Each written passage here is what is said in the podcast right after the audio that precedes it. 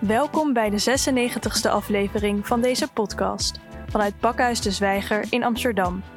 Mijn naam is Aniek van Rinsem en vandaag spreek ik met Reisa Biekman, programmamanager Humanity in Action Nederland en actief betrokken bij het Zwarte Manifest. En Ewout van den Berg, landelijk coördinator Internationale Socialisten en actief bij Comité 21 Maart.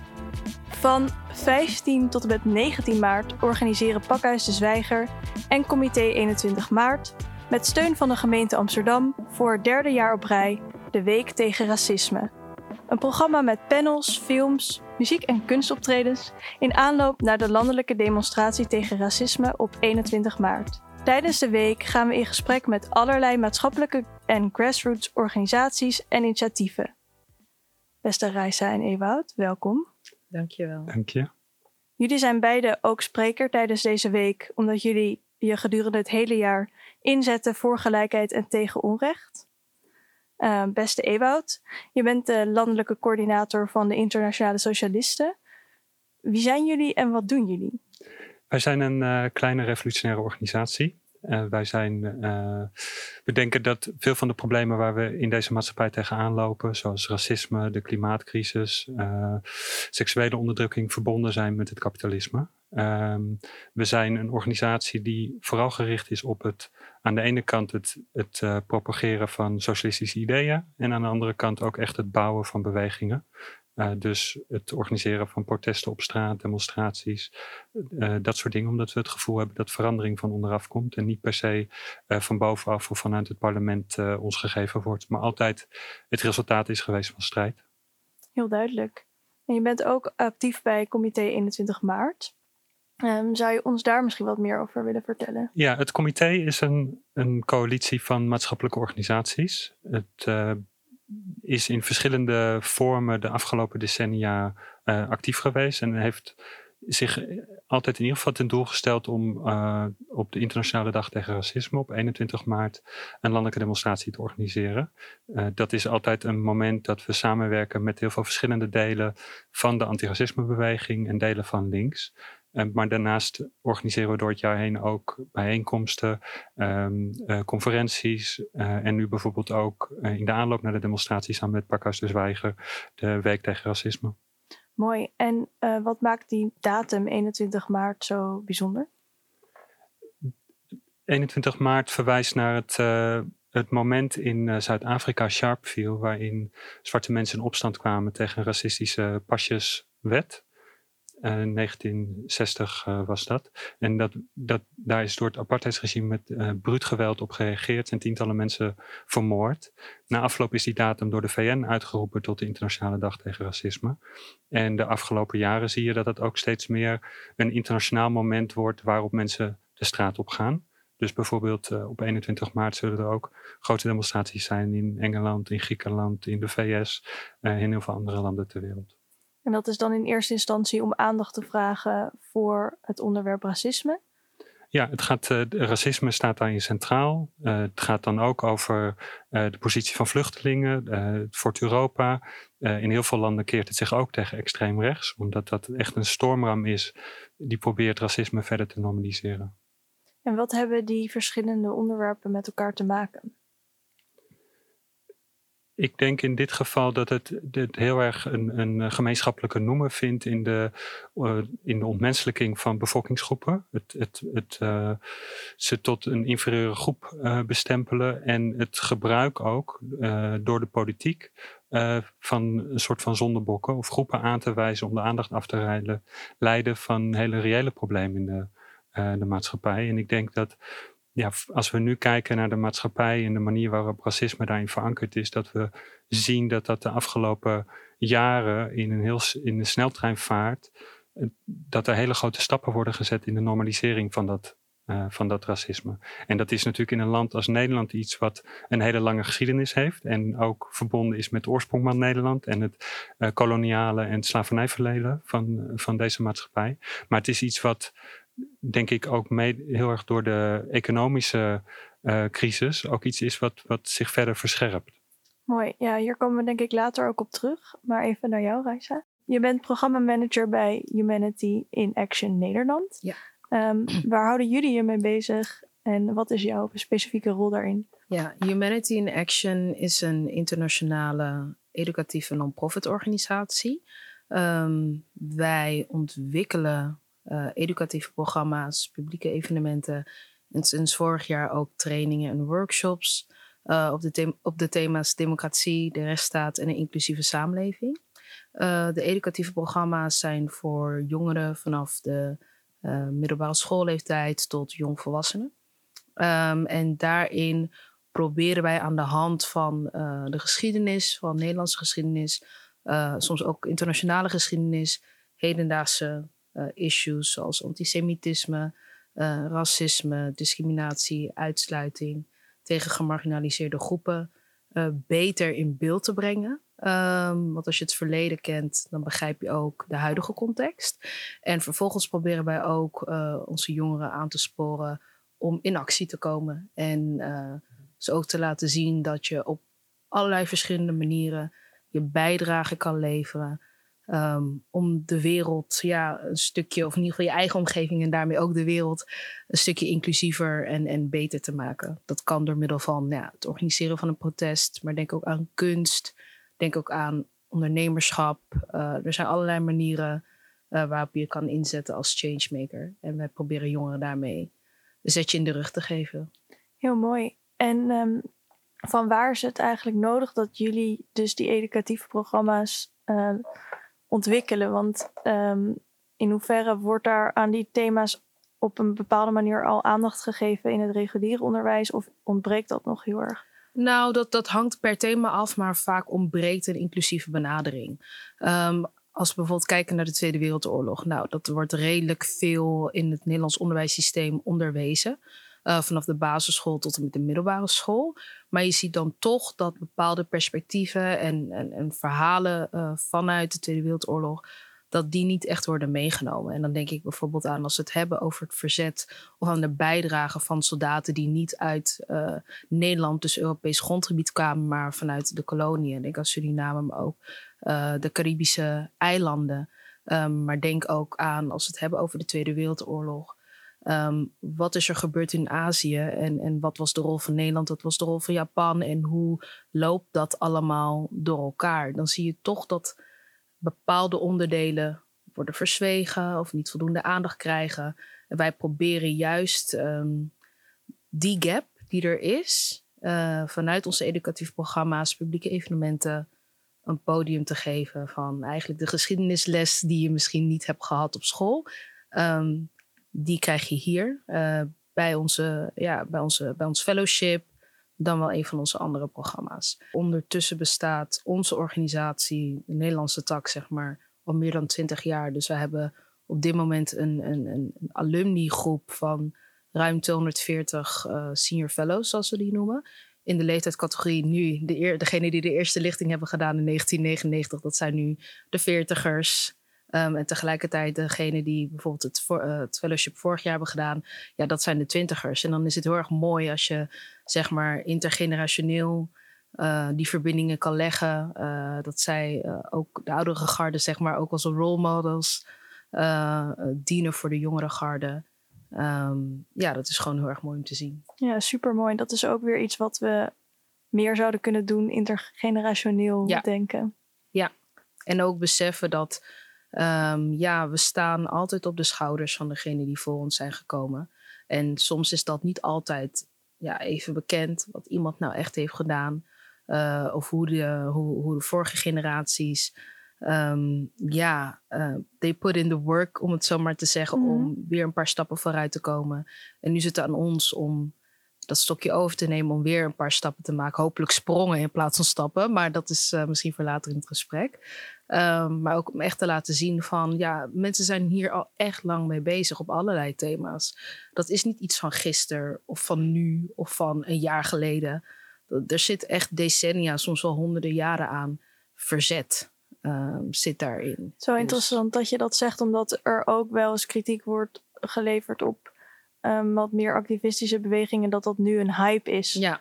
Maar dat uh, spreek jij wel ja, tegen. Daar, daar ben ik het absoluut uh, mee oneens. Um, en dat is dat stukje van ja, gebrek aan, aan, aan het kennen van je eigen geschiedenis. Want als je, dat, als je eigen geschiedenis kent, dan weet je, hé, hey, wij bouwen voort. Wij, hm. wij nemen de strijd over.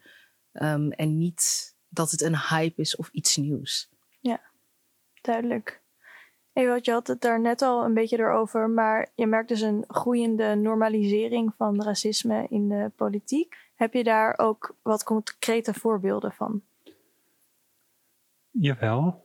Ik denk dat, om te beginnen, ik denk dat het ook een, tegengesteld proces is. Van, want aan de andere kant is het natuurlijk ook ontegenzeggelijk zo dat we de afgelopen jaren zien, en met name vorig jaar natuurlijk in de zomer, een serie van de grootste antiracisme protesten in decennia gezien in Nederland.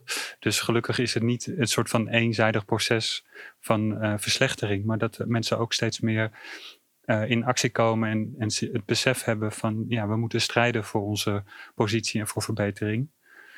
Maar ik denk dat over het algemeen de, de tendens in Nederland er één is van inderdaad steeds verdere normalisering van racisme en discriminatie. En volgens mij zie je dat op verschillende niveaus.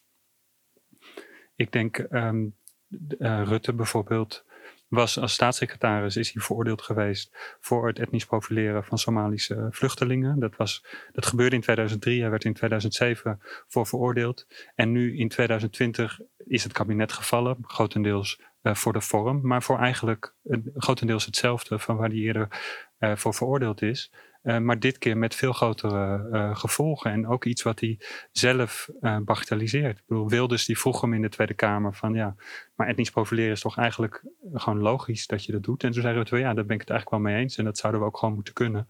Dus ik denk in die zin van, en dat is Rutte als voorbeeld. Maar ik denk dat dat tekenend is, omdat hij, ja, hij was de leider van het land voor, voor tien jaar. En waarschijnlijk ook nog wel de komende jaren. Ik denk daarnaast dat je wat verder opvalt is ook dat, dat standpunten die vijf of tien jaar geleden vooral door extreem rechts werden uitgedragen, ondertussen bij andere partijen terugkomen. Dus de, uh, de partij, de, VVD die ook zegt van het gebrek aan huurwoningen, dat komt door vluchtelingen. Dat de VVD zelf grotendeels die huurwoningen allemaal in de verkoop heeft laten zetten. Sociale woningbouw gebruikt als een soort uh, van melkkoe.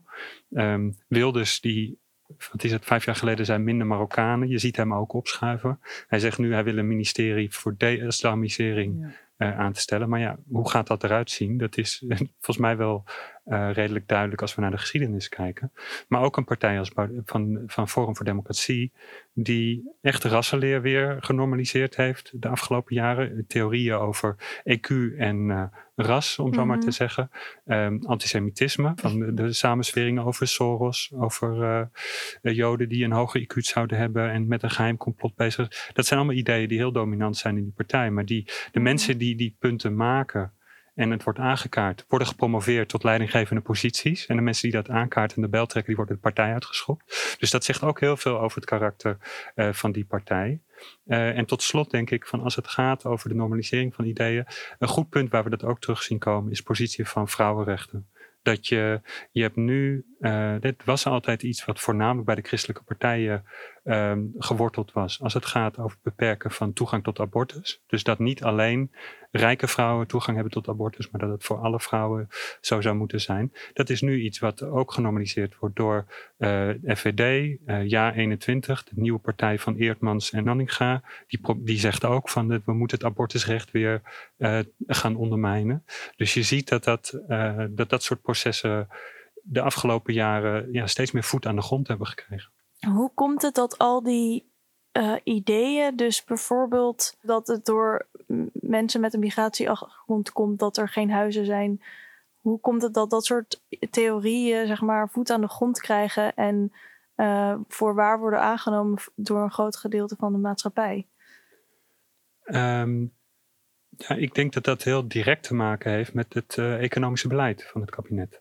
Um, een partij als de VVD en nou ja, met Rutte, maar ook Stef Blok, de, die nu toevallig de afgelopen vier jaar de minister van uh, Wonen is geweest, die heeft een hele duidelijke agenda van het privatiseren van zoveel mogelijk uh, woningen die over te dragen aan uh, speculanten en uh, grote woningbedrijven, zodat zij er geld mee kunnen verdienen. Dit is vrij door de jaren heen een heel bewuste strategie geweest van de VVD om een gedeelte van publieke voorzieningen, waar, waar in het verleden voor gevochten is dat werkende mensen, arme mensen recht hebben op betaalbare woonruimte, om dat recht zoveel mogelijk te ondermijnen en flexibel te maken.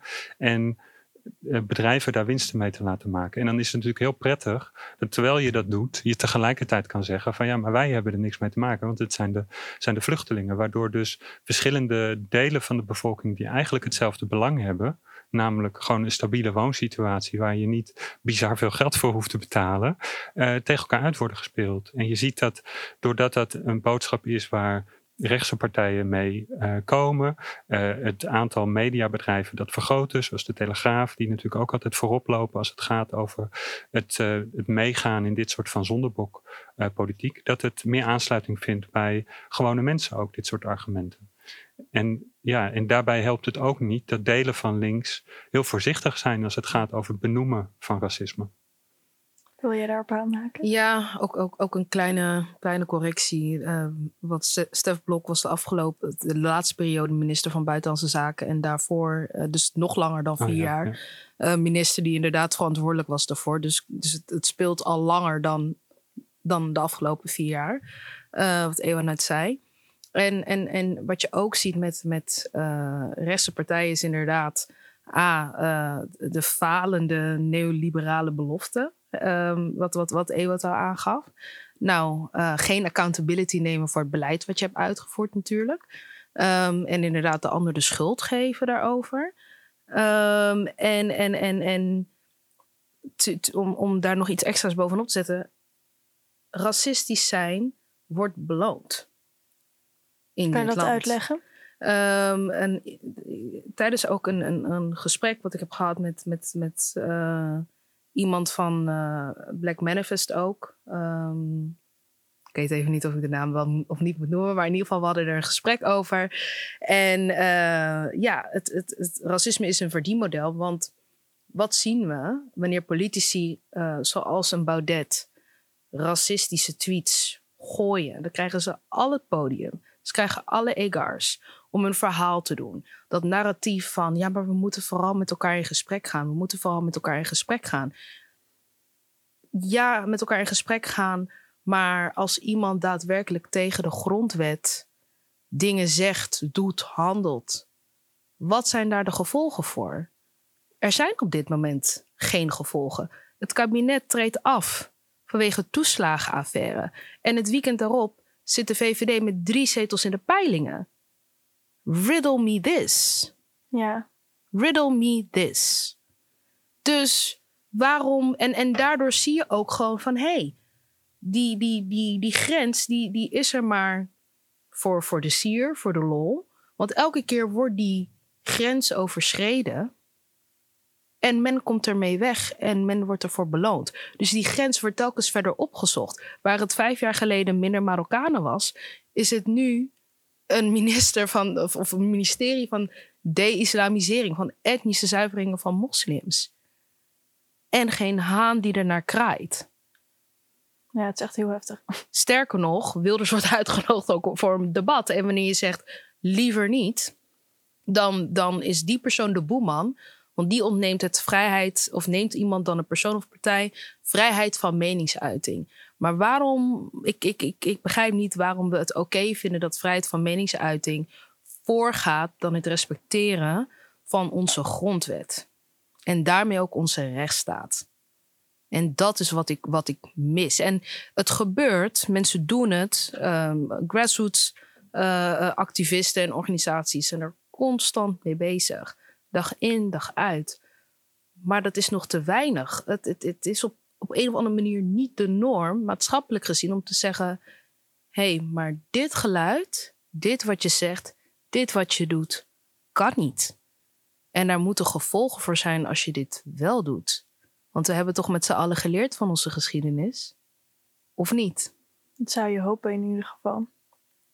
Maar wat het dus ook uh, fascinerend maakt, is dat als je uitlegt hoe zo'n beleid werkt, dan kunnen denk ik de meeste mensen wel snappen dat het de rijkere voordeel biedt en de, en de mensen die eh, elke cent moeten omdraaien in de penarie brengt.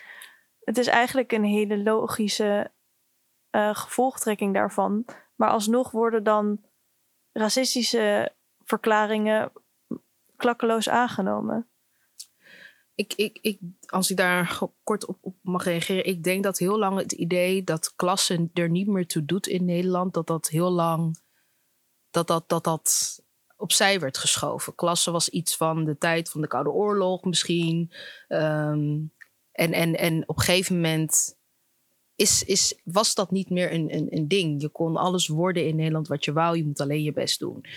Ehm, en nu denk ik door de afgelopen jaren om uh, stil te staan bij uh, racisme, discriminatie, uitsluiting, dat je het intersectioneel moet aanpakken, dat ook het onderdeel van klasse weer uh, terugkomt van nee, daar, daar, we zijn niet een, een economisch gelijkwaardige samenleving. En als je iets armer bent, financieel minder daadkrachtig, dan ligt het gewoon aan jouw foute keuze die je hebt gemaakt. Dat is ook natuurlijk een idee wat vanuit het neoliberalisme komt. Uh, dat als je geen grote portemonnee hebt, dat het komt omdat jij foute keuzes hebt gemaakt. En degene die het wel. Uh, uh, die wel een grotere beurs hebben, die hebben de juiste keuzes gemaakt, om het zo maar te zeggen. Dus dat is het. En, en punt daarachter. En nu, de afgelopen uh, tijd, um, zeker met issues als gentrification, um, discriminatie op de arbeidsmarkt, klasseongelijk, nou, al die um, issues en topics, die komen natuurlijk samen. En dan zie je van, hé, hey, het heeft een structureel karakter waar ook klasse een onderdeel van is. En vaak gaat dat inderdaad gepaard met heb je een migratieachtergrond of niet. Nou, en zo zijn er allemaal andere dingen die natuurlijk um, als je het meespelen.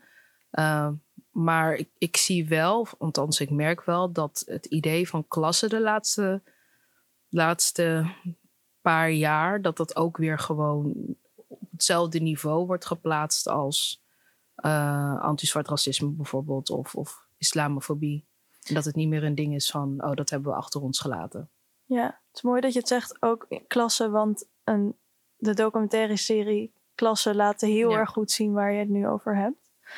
Um, Ewout, zie jij ook die um, ja, groeiende normalisering van racisme op Europees of internationaal uh, niveau gebeuren? Of is het echt specifiek in Nederland dat dat nu uh, meer speelt? Ja, ik denk, dat, ik denk dat we allemaal zien dat dat echt een heel internationaal fenomeen is. Als je kijkt naar, naar wereldleiders op verschillen, in verschillende continenten.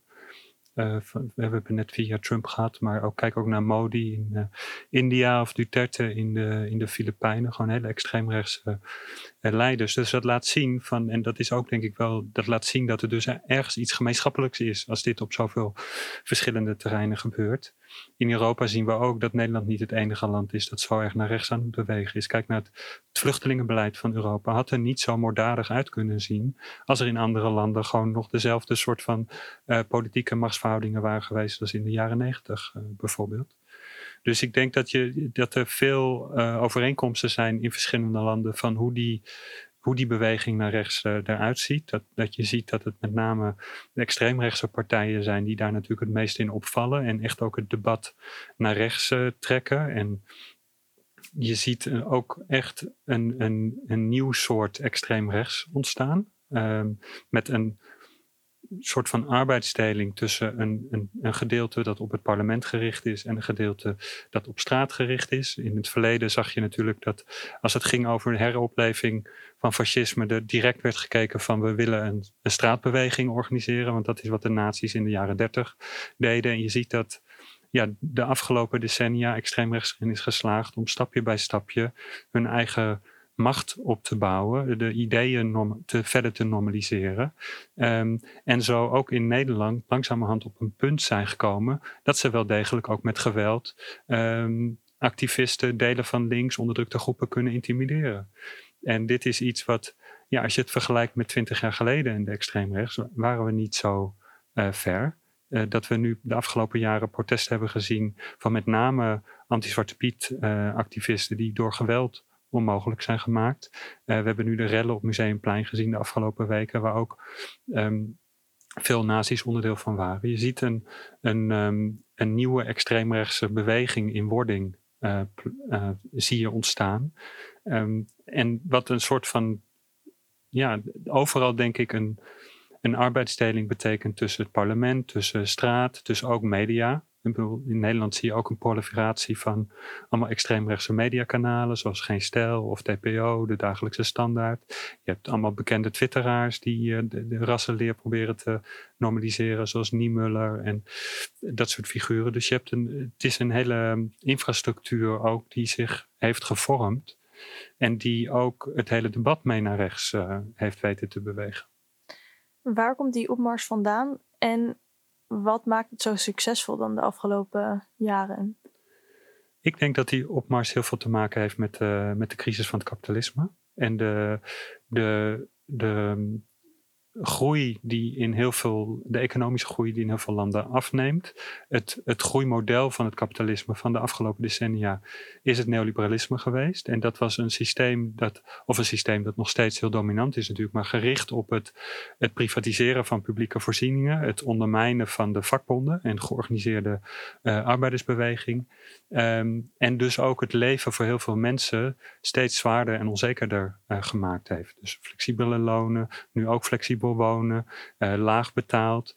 Uh, terwijl de collectieve kracht van werkende mensen om zich te verenigen en samen op te komen voor hun collectieve belang. En dus in de eerste plaats de, de vakbeweging steeds, meer, steeds minder invloed heeft, heeft gekregen. En ook ja, zich steeds meer heeft, is meegegaan met het achteruit onderhandelen van uh, nette verslechteringen een beetje verzachten. In plaats van echte strijden voor verbeteringen.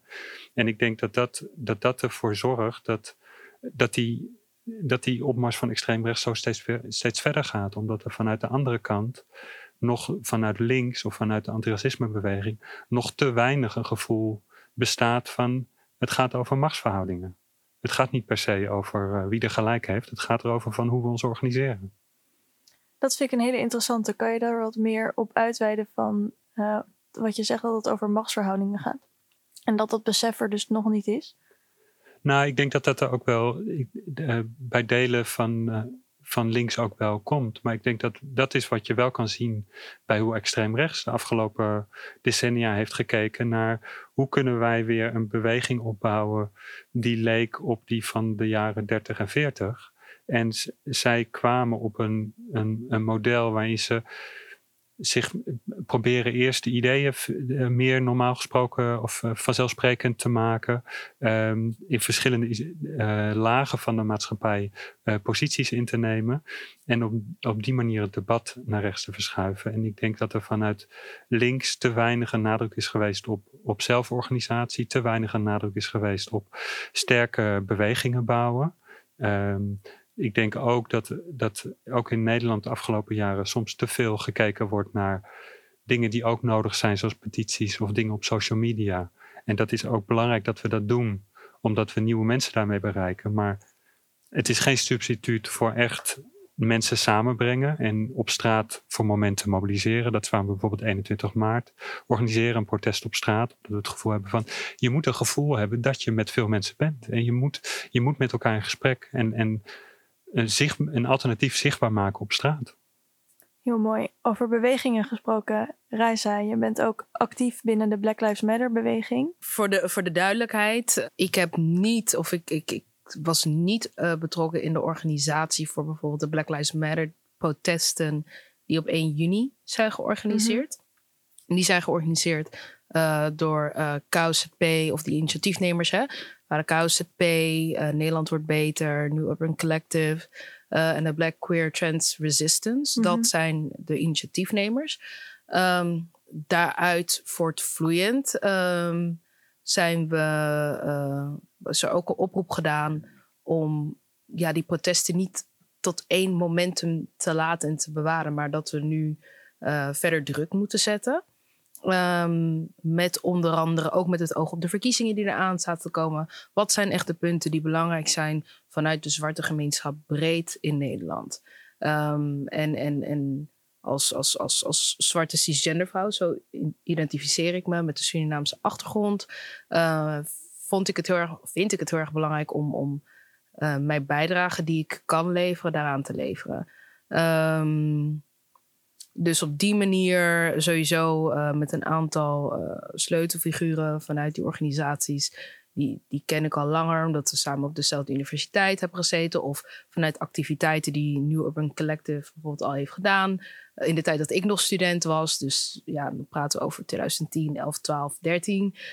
dus daar, daar kende ik al een aantal mensen van die nu ehm, ja, vanuit verschillende hoeken ook bezig zijn in de antiracisme movement. Um, en na de BLM-protesten in juni zijn er verschillende momenten gekomen dat, de, dat mensen uit de soort gemeenschap echt bij elkaar kwamen en zeiden van wat vinden wij nou echt, echt belangrijk? Want uh, Zwarte Piet is één ding uh, en die strijd is geleverd, wordt nog steeds geleverd, maar we zien inderdaad elk jaar dat, dat meer mensen Zwarte Piet niet meer vinden kunnen. Maar Zwarte Piet is natuurlijk maar één onderdeel, is maar één symbool. Mhm. Eh, eh, van anti, anti-zwart racisme, uh, wat, wat in Nederland zich afspeelt. En ehm, we hebben toen besloten, we willen met iedereen uit de zwarte gemeenschap bij elkaar komen, input leveren om tot een manifest te komen. Een levend, werkend manifest, waarin een gedeelte onze, onze eisen en wat we willen uh, om institutioneel racisme te bestrijden en ook specifiek anti-zwart racisme. Want een aantal dingen uh, waarvoor uh, wij pleiten en strijden is ja, breed. Dat gaat niet alleen de zwarte gemeenschap aan, maar alle andere gemarginaliseerde groepen. Dus er zitten delen die ook van waarde kunnen zijn voor andere groepen, waar we solidair kunnen zijn met andere gemarginaliseerde groepen. Dan zijn er ook bepaalde thema's die specifiek voor de zwarte gemeenschap aangaan. Um, denk bijvoorbeeld aan nou, als we praten over excuses voor het koloniaal verleden. Um, nou, dat zijn hoe gaan we om met burgers die wonen op het uh, Caribisch deel van het Koninkrijk. Nou, dat zijn hele specifieke aangelegenheden uh, die daar ook in terugkomen. En als laatste is het ook een, een, een, een levend werkend document voor onze eigen emancipatie. Van hoe zien wij onszelf en wat willen wij voor onze eigen gemeenschap? En waar willen we daar uh, ja, hoe, hoe zien wij dat voor de komende jaren? Uh, dus daar heb ik uh, aan meegeholpen afgelopen periode. Mooi. En wat zijn concrete punten die in het manifest staan? Het, we zijn bezig met de laatste loodjes, maar even heel grofweg. Um, bijvoorbeeld als we kijken naar onderwijs, educatie. Nou, dan vinden wij het natuurlijk heel erg belangrijk um, dat, dat, dat, ja, dat eurocentrisch onderwijs wat nu gegeven wordt, uh, dat daar een, een, een breder verhaal uh, in komt over de Nederlandse geschiedenis. En niet alleen als we het hebben over het koloniaal verleden, wat volgens mij tot op heden nog steeds zwaar onderbelicht uh, is. Maar denk ook aan als we het hebben over die Tweede Wereldoorlog. Praten we dan alleen over wat er in Nederland is gebeurd of hoe dat ook effect heeft gehad um, globaal gezien? Hè? We weten nog te weinig over uh, verzetshelden die uit de voormalige koloniën kwamen, die wel degelijk hebben meegeholpen, mee hebben gestreden voor de vrijheid van Nederland. En daarmee is Anton de Kom natuurlijk uh, af, het afgelopen jaar het meest, uh, hoe het voorbeeld wat, wat, wat ineens hè, naar boven is gekomen en, en bekend is geworden voor een breder publiek. Maar zo zijn er nog veel meer Anton de Koms, ook van Curaçao, om het zo maar te zeggen, ook uit voormalig Nederlands-Indië die ook hun bijdrage hebben geleverd, maar die nog te vaak over het hoofd worden gezien. Um, dus dat is bijvoorbeeld een, een voorbeeld um, van wat er in het manifest staat. Een ander voorbeeld heeft ook te maken met, met etnisch profileren, bijvoorbeeld, wat niet alleen uh, zwarte mensen aangaat, maar ook heel veel andere mensen van kleur. Uh, denk ook bijvoorbeeld aan uh, strijd tegen islamofobie, want ook in de zwarte gemeenschap zijn er mensen die, die de islam praktiseren. En die heb je natuurlijk ook in andere uh, groepen. Dus um, er, er, er zijn verschillende topics en thema's uh, die niet alleen belangrijk zijn voor onze zwarte gemeenschap, maar ook voor uh, andere groepen. En daar proberen we aansluiting op te vinden. Heel mooi. Um, wat ik me afvroeg is, um, Ewout, Ewout had het erover dat rechts ook wel, of extreem rechts wat meer voet aan de grond heeft gekregen door ook heel erg het, um, het debat te veranderen en uh, het gesprek te veranderen. Maar als ik jou zo hoor, dan uh, zijn jullie daar ook mee bezig. En ik heb ook over het algemeen wel het idee dat er veel groepen en individuen zich inzetten om um, het, het gesprek over linkse thema's open te breken. Mm -hmm. um, Heb jij het idee dat daar dan minder naar geluisterd wordt of dat dat minder effectief is? Hoe kijk jij daar tegenaan? Aan de ene kant, uh, waar, waar ik ontzettend blij mee ben, zeker de afgelopen periode. Ik was in januari was er een anti-racisme demonstratie in Den Haag, waar Ewout volgens mij ook heeft gesproken. En, en aan de ene kant was ik heel erg blij dat ik zoveel verschillende organisaties zag. Um, die op, op één onderdeel zitten, maar tegelijkertijd ook de verbinding met elkaar zochten. Dus aan de ene kant zie ik ook dat die grassroots organisaties elkaar ook beter vinden. Um, moeilijke uh, issues uit het verleden ook hopelijk intern hebben uitgesproken, uit hebben gepraat en, en, en echt een keuze hebben gemaakt van hoe kunnen we samen dit doen? Want het raakt ons allemaal. Extreem rechts raakt uh, heel veel mensen en personen en groepen. Niet alleen vanuit de zwarte gemeenschap, maar ook elders. En hoe kunnen wij in ieder geval onderling die verbinding zoeken? Dus dat zie ik als een positief gegeven.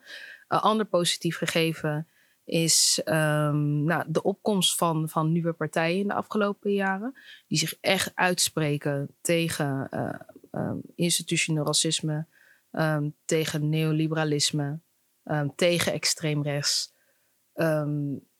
daar ben ik ook ja, lichtelijk positief over, om het zo maar te zeggen. Ehm, en als laatste, en daar denk ik zit nog heel veel werk, of is nog heel veel werk te verrichten, dan, dat sommige linkse politieke partijen, dat er ergens een kwartje valt of is gevallen, nog aan het vallen is. Een beetje afhankelijk welke partij je neemt. Uh, maar dat ook daar steeds meer die awareness komt van: oké, wij zijn ook accountable voor, um, voor de opkomst van extreem rechts. En wij moeten ons daar ook beter tegen uitspreken.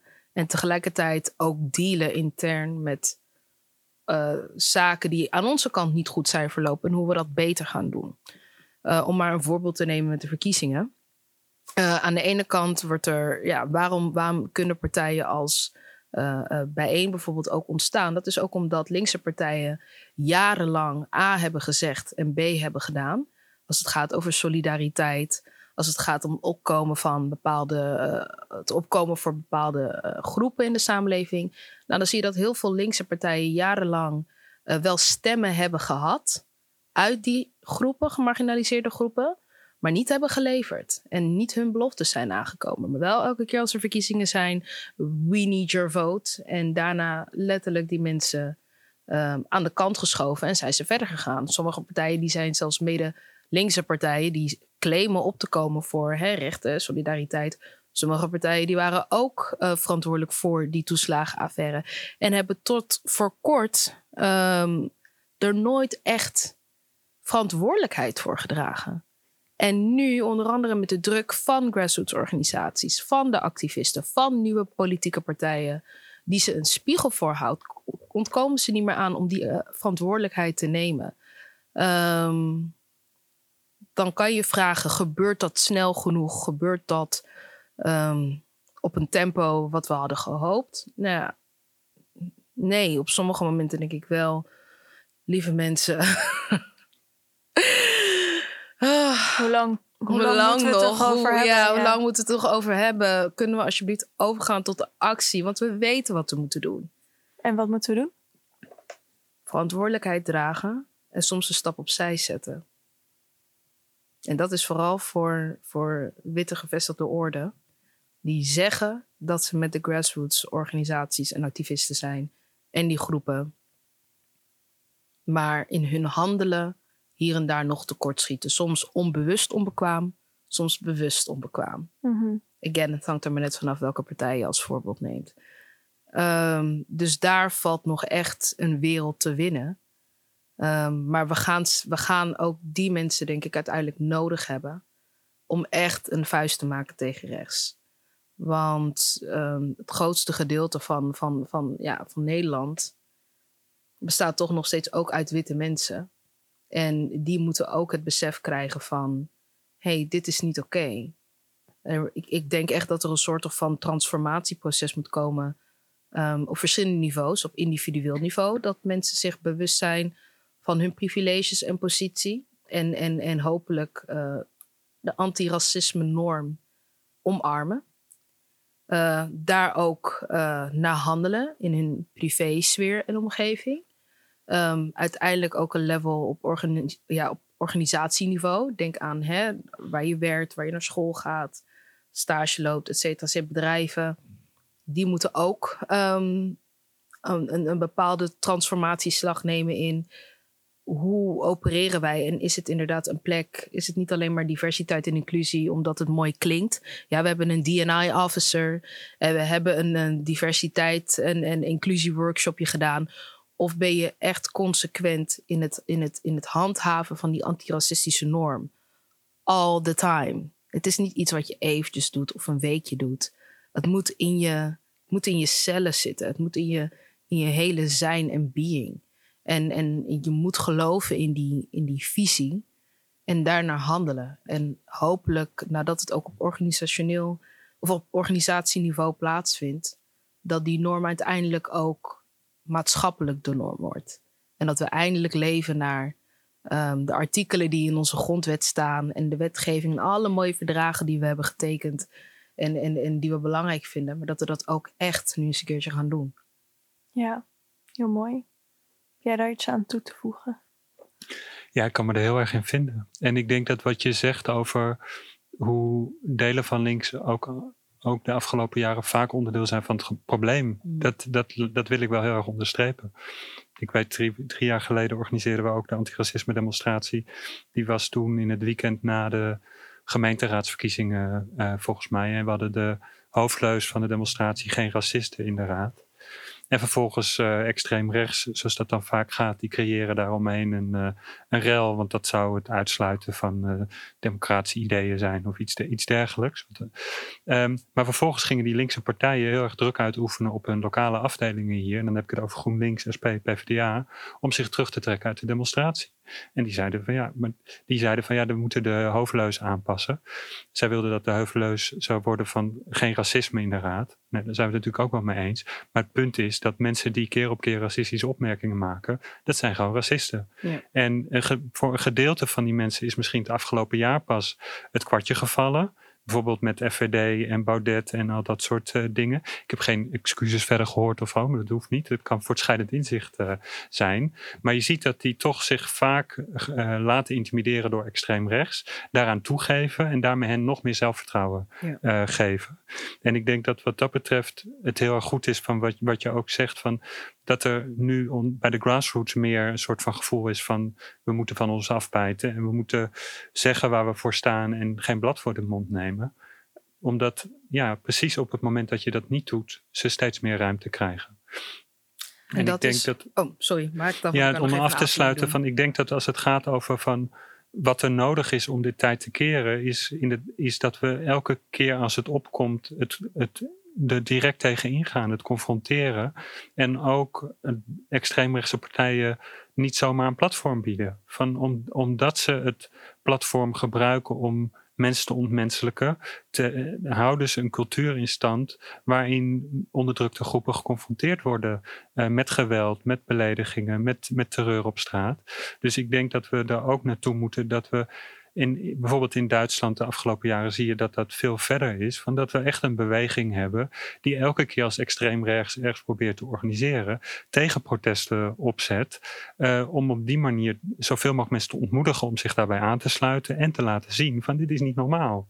Als je denkt dat, dat het, uh, het vaccin uit de hoge hoed komt van, uh, van een Joodse investeerder ja, dan, dan is dat één kant van dezelfde medaille waarmee Joodse mensen in Nederland met terreur uh, te maken krijgen. Dus ik denk dat we daarin gewoon veel strijdbaarder en principiëler tegen elke keer als het de kop opsteekt, ons daartegen moeten verweren. En het liefst met zo'n breed mogelijke coalitie van maatschappelijke organisaties, omdat het onze hele structuur ondermijnt. Het speelt verschillende delen van onze beweging tegen elkaar uit. 2 september vorig jaar gingen jullie met het Zwarte Manifest in gesprek met Mark Rutte. Ja, het manifest was toen nog niet af. Het was in, in, in uh, de making. Mhm. En inderdaad, met de coalitie van mensen uit de soort gemeenschap um, zijn we inderdaad naar het katshuis gegaan. Ja. En uh, hoe ging dat gesprek? Waar ging het over? Um, nou ja, het ging onder andere over uh, de Black Lives Matter protesten van juni. Die toen net drie maanden geleden waren gebeurd. Het ging over institutioneel racisme breed, maar ook hoe KZP jarenlang ehm, is genegeerd door, door het kabinet. Ehm, en ook vooral, hoe gaan we nu verder? Want ja, nu komen we hier, zitten bij het katshuis en dat is hartstikke leuk en aardig. Ehm, maar wat, wat wil het kabinet concreet gaan doen? Um, en en, en wat, wat, wat, ik, wat ik in ieder geval meeneem van die dag, of wat ik heel fijn vond, of als fijn heb ervaren, uh, was in ieder geval van de delegatie die er naartoe ging dat het echt een, een, een, delegatie was met mensen vanuit verschillende disciplines, vanuit verschillende leeftijdsgroepen. Als we het dan even hebben over de, vanuit de zwarte gemeenschap, want niet alle uh, ja, gemarginaliseerde groepen of partijen of grassroots organisaties waren erbij, waren aanwezig op die dag. En nu was het een soort van ja, uh, vervolg op, op de, naar aanleiding van de Black Lives Matter demonstratie, omdat bij het eerste gesprek de initiatiefnemers niet waren uitgenodigd. Wel andere mensen uit de zwarte gemeenschap, maar niet de initiatiefnemers. daar is natuurlijk uh, publiekelijk uh, kritiek op geuit. Van ja, dan, dan wil je met mensen zitten, maar dan degene die het hebben geïnitieerd en die ook jarenlang door middel uh, van, van kick-out Zwarte Piet, het afschaffen van Zwarte Piet, überhaupt ook anti-zwart racisme ja, op de kaart, nou ja, op de kaart, aandacht hebben gegeven, die negeer je volledig. Ja, dat, dat, dat kan niet. En ook omdat toen in december 2019 was er natuurlijk die aanslag op KZP in Den Haag. Uh, waar er vanuit de politiek ook echt nou, jammer genoeg vanuit het kabinet nog ja, niet echt een statement uh, is, is, is, is uitgebracht. Bepaalde politici hebben dat wel gedaan. Maar echt een, een, een statement vanuit het kabinet, ja, dat, dat, dat, dat is er gewoon niet geweest. Um, dus dat is ook een van, van de redenen waarom dat gesprek heeft plaatsgevonden. Um, het is één gesprek. En we hebben toen destijds ook gezegd van... Je weet ook dat degene die aan de andere kant van de tafel zit ook... Uh, nou ja, op een gegeven moment ook met die toeslagenaffaire natuurlijk. Dat, was, dat onderzoek was toen nog gaande. Uh, maar die ook institutioneel racisme nog steeds niet in de mond durft te nemen. Um, dus je weet ook wel dat je met iemand zit waarvan je denkt: hoeveel zin heeft het? Um, moet je met zo iemand aan tafel zitten? Zijn dan ook vragen? Uh, waar is je geloofwaardigheid dan nog? Um, maar ik, ik denk wel dat het goed was als eerste gesprek ook om in ieder geval, al was het maar om in ieder geval een contacten te leggen met verschillende bewindspersonen. Om te kijken wat gaan ze echt doen. En, en, en, en toch ook vanuit die kant druk uitoefenen. Want inderdaad, protesteren is één kant en het is een superbelangrijke kant. Agenderen is superbelangrijk. Um, en op een gegeven moment is de keus: wil je ook echt beleid beïnvloeden? En op welke niveaus kan je dat doen? Nou, dat kan je op verschillende manieren doen. En ik denk dat, het, dat, dat je op alle niveaus, op alle lagen, op allerlei manieren die druk moet zetten voor die verandering. Dus is met dat gesprek met Katshuis alles opgelost? Absoluut niet. Ik denk dat het, dat het nog echt, uh, echt aan het begin staat. Uh, als het gaat over die transformatie bij de overheid. Uh, nogmaals. Heb je wel het idee dat er naar jullie geluisterd werd? er werd wel, het, was, het, was een, het was een positief gesprek in die zin uh, van uh, iedereen was vrij om zijn of haar punt te maken en te zeggen. Um, het, het, is niet geëscaleerd of zo, het was niet moeilijk. Het was een oké okay gesprek. Misschien zelfs iets beter dan verwacht, maar misschien ben ik nu te optimistisch het was een oké gesprek en ik denk dat dat wel dat, dat ik daarmee alles heb gezegd. Ja. Het was oké en het was een startpunt voor alles wat nu gaat komen. Juist. Want ook naar aanleiding van die gesprekken, niet per se het gesprek wat wij hadden, maar het eerste katshuisgesprek, um, is bijvoorbeeld de minister van Binnenlandse Zaken nu ook bezig met um, het zoeken naar een coördina nationaal coördinator uh, discriminatie en racisme. En hoe dat er natuurlijk verder uit gaat zien, dat moeten we de komende periode uh, maar, maar zien. Um, maar, maar is in ieder geval iets, iets in gang gezet. er gebeurt iets, maar dat gebeurt misschien soms nog te traag en niet voldoende. En ook de mensen die het willen doen, dan vraag je je af: ja, zijn dit wel de meest geschikte personen om dit te doen? Dat, dat, dat is allemaal terechte kritiek. Ehm, en, en dit is een eerste stap. En de toekomst zal, zal, uh, ja, zal, zal laten zien uh, hoe het verder gaat. En of we daar tevreden mee zijn of niet. Ja, ik, ik dacht in het begin was ik echt van, oh jee, ze gaan naar, met Rutte praten. Want ik had uh, die, een jaar daarvoor zag je dat uh, de grote klimaatstaking uh, begon. Mm. Waar jonge scholieren een grote actie in Den Haag organiseerden. Dat was een grote verrassing. Ik denk 20, 30.000 mensen in Den Haag.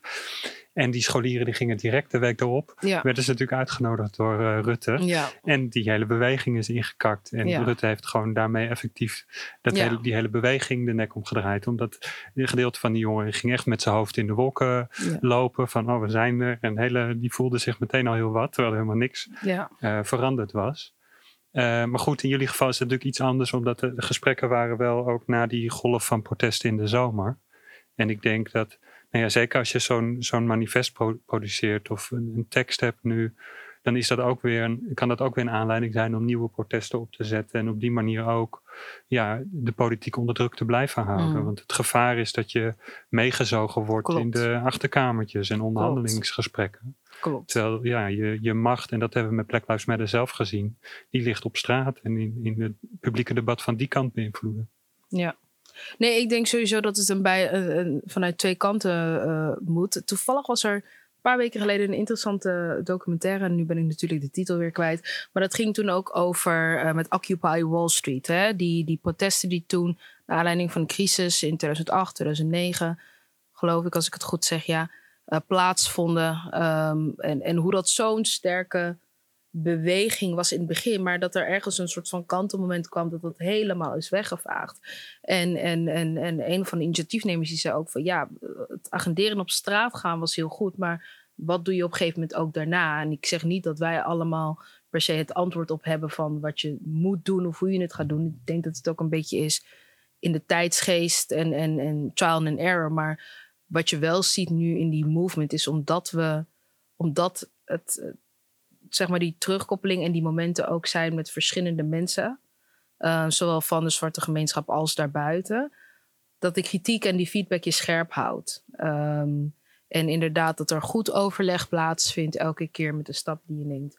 Moeten we dit doen? Wat zijn de gevolgen ervan? Is dit nog iets waar we mee kunnen leven en onszelf in de spiegel kunnen aankijken?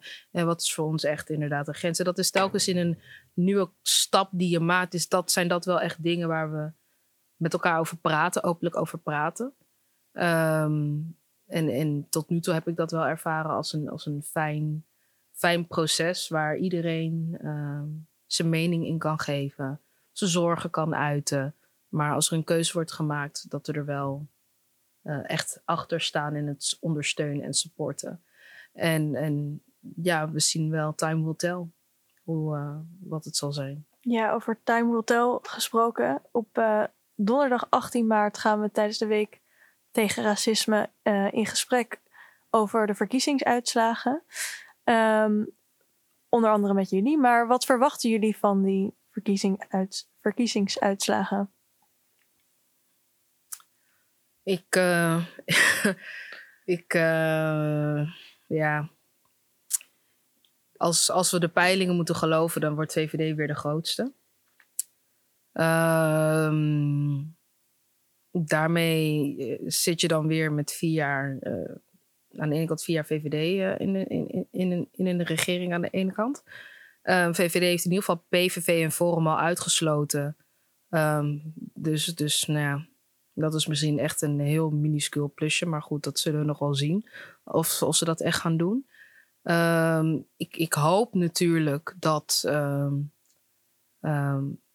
bepaalde nieuwe partijen die nu nog niet vertegenwoordigd zijn in het parlement er wel inkomen. Want ik denk dat, dat uh, hun aanwezigheid echt wel, uh, misschien natuurlijk niet in een regeringscoalitie per se, maar dat hun aanwezigheid alleen al echt wel voor uh, die spiegel kan zorgen en ook echt in, vanuit de politiek druk kan leggen op de nieuwe regering, op bestaande partijen in de oppositie die ook nog niet helemaal. ehm, Welke partijen heb je het dan over? ik hoop ook op met, eh, als ik kijk naar mensen die op die lijst staan, het- bijvoorbeeld bij één, ehm, ja, dan hoop ik wel dat die in het parlement komen. Hetzelfde geldt voor NIDA. Eh, hoop ik dat die in het parlement eh, komen, omdat het wel echt partijen zijn die lokaal in de grote steden, Amsterdam en Rotterdam, echt wel hun stem hebben laten gelden en dingen voor elkaar hebben weten te boksen. Ehm, voor een betere, ja, voor een betere lokale gemeenschap, om het zo maar te zeggen. Heb jij er nog iets op toe te voegen? Ja, ik denk dat het wel redelijk een bloedbad gaat worden, eh, de verkiezingsuitslag. De- ik bedoel, je hebt het al terecht Mhm. over de VVD, die ondanks tien jaar Rutte en snoeihard neoliberale racistisch beleid toch weer de grootste lijkt te worden. Ehm, ik denk wat me daarnaast zorgen baart is, is ja, de, de toename van extreem rechts. En dan hebben we het, nou- we hebben het natuurlijk eerder gehad ook over hoe de inhoud naar rechts aan het schuiven is. Maar waarschijnlijk hebben we na de verkiezingen in ieder geval ook nog die racistische partij van Eertmans en Nanninga erbij. Ja. Dus dan komen we op drie extreemrechtse partijen. Het zou kunnen dat die corrupte politicus uit Den, Den Haag, de Mos, ook nog erin komt. Ja. En dan, hebben we, dan, dan doet Engel ook nog mee op een lijst waarvan nog de vraag is of die het haalt. Maar het zou kunnen dat we na de verkiezingen vijf extreemrechtse partijen in het parlement hebben. En op dat moment, ja, betekent, dat betekent die, die fragmentatie betekent dan niet een versplintering of een verzwakking, ben ik bang. Maar vooral dat het debat en de oppositie tegen het kabinet ook op een steeds rechtsigere basis gevoerd gaat worden. Dus daar maak ik me heel erg eh, zorgen over. Ik denk dat als het gaat over links, is het gewoon heel pijnlijk om te moeten concluderen dat, ehm, dat ondanks vier jaar een heel rechts kabinet links er niet beter voor staat. Uh, Integendeel. Dat heeft natuurlijk ook mee te maken dat partijen als PvdA en GroenLinks de afgelopen jaren zich ook niet echt als een oppositie hebben opgesteld. Die hebben grotendeels ook het beleid van Rutte gesteund, ook het coronabeleid het afgelopen jaar. Dus ja, op die manier komt het ook niet echt over als een alternatief voor heel veel mensen. Ik denk, ik denk ook wel dat het inderdaad ook goed is dat er nieuwe partijen in de Kamer uh, kunnen komen. En uh, ik denk dat meer diversiteit in de Kamer ook een toegevoegde waarde is. Uh, al is het maar omdat er dan misschien ook wat meer op principiële basis verzet komt tegenover extreem rechts. Maar ik, ja, ik denk ook dat identiteit ook niet één op één samenvalt met waar mensen staan. Volgens mij staat er een, uh, een zoon van een, een, vluchteling op de lijst uh, bij VVD en die is ook van de positie uh, vluchtelingen pakken onze woningen af. Mm. Dus ik denk dat we ook over representatie ook de beperkingen moeten, moeten zien. Maar ik hoop dat, dat de bijeenkomst op de 18e in het pakhuis ook een moment kan zijn dat we samen de balans opmaken en kijken van wat is de uitslag, hoe zijn we daar gekomen en hoe gaan we verder om echt iets fundamenteel te veranderen. Heel mooi. Vraag me af of jullie nog een slotboodschap hebben voor onze luisteraars. Nee, het enige van ga stemmen. Ga alsjeblieft stemmen. En als je. Er is echt wel keus. Er is echt een keus. Um, dus doe het. En als je het niet wil doen, als je niet wil stemmen, gooi dan alsjeblieft je stembiljet niet weg. Maar kijk in je eigen omgeving of je iemand anders kan machtigen. Um, die dan namens jou, of in ieder geval je stem dan nog kan gebruiken. Maar gooi alsjeblieft je stembiljet niet weg. Ja, daar kan ik me bij aansluiten. Stem zo links mogelijk. En kom op zondag ook naar de antiracisme demonstratie. Uh, ik denk dat er genoeg reden is om dan de straat op te gaan. Zondag 21 maart. Precies. Heel veel dank, Reisa Biekman en Ewout van den Berg. Graag gedaan. Dank je. Beste luisteraars, dit was de 96e aflevering van de podcastserie van Pakhuis de Zwijger. Wil je meer weten over dit onderwerp? Tune dan in voor panels, films, kunst en optredens tijdens de Week tegen Racisme 2021. Van 15 tot en met 19 maart via dezwijger.nl/slash live. Een rating achterlaten of je abonneren op deze podcast kan via SoundCloud, Spotify, iTunes of een ander podcastplatform. Dank voor het luisteren en tot de volgende keer.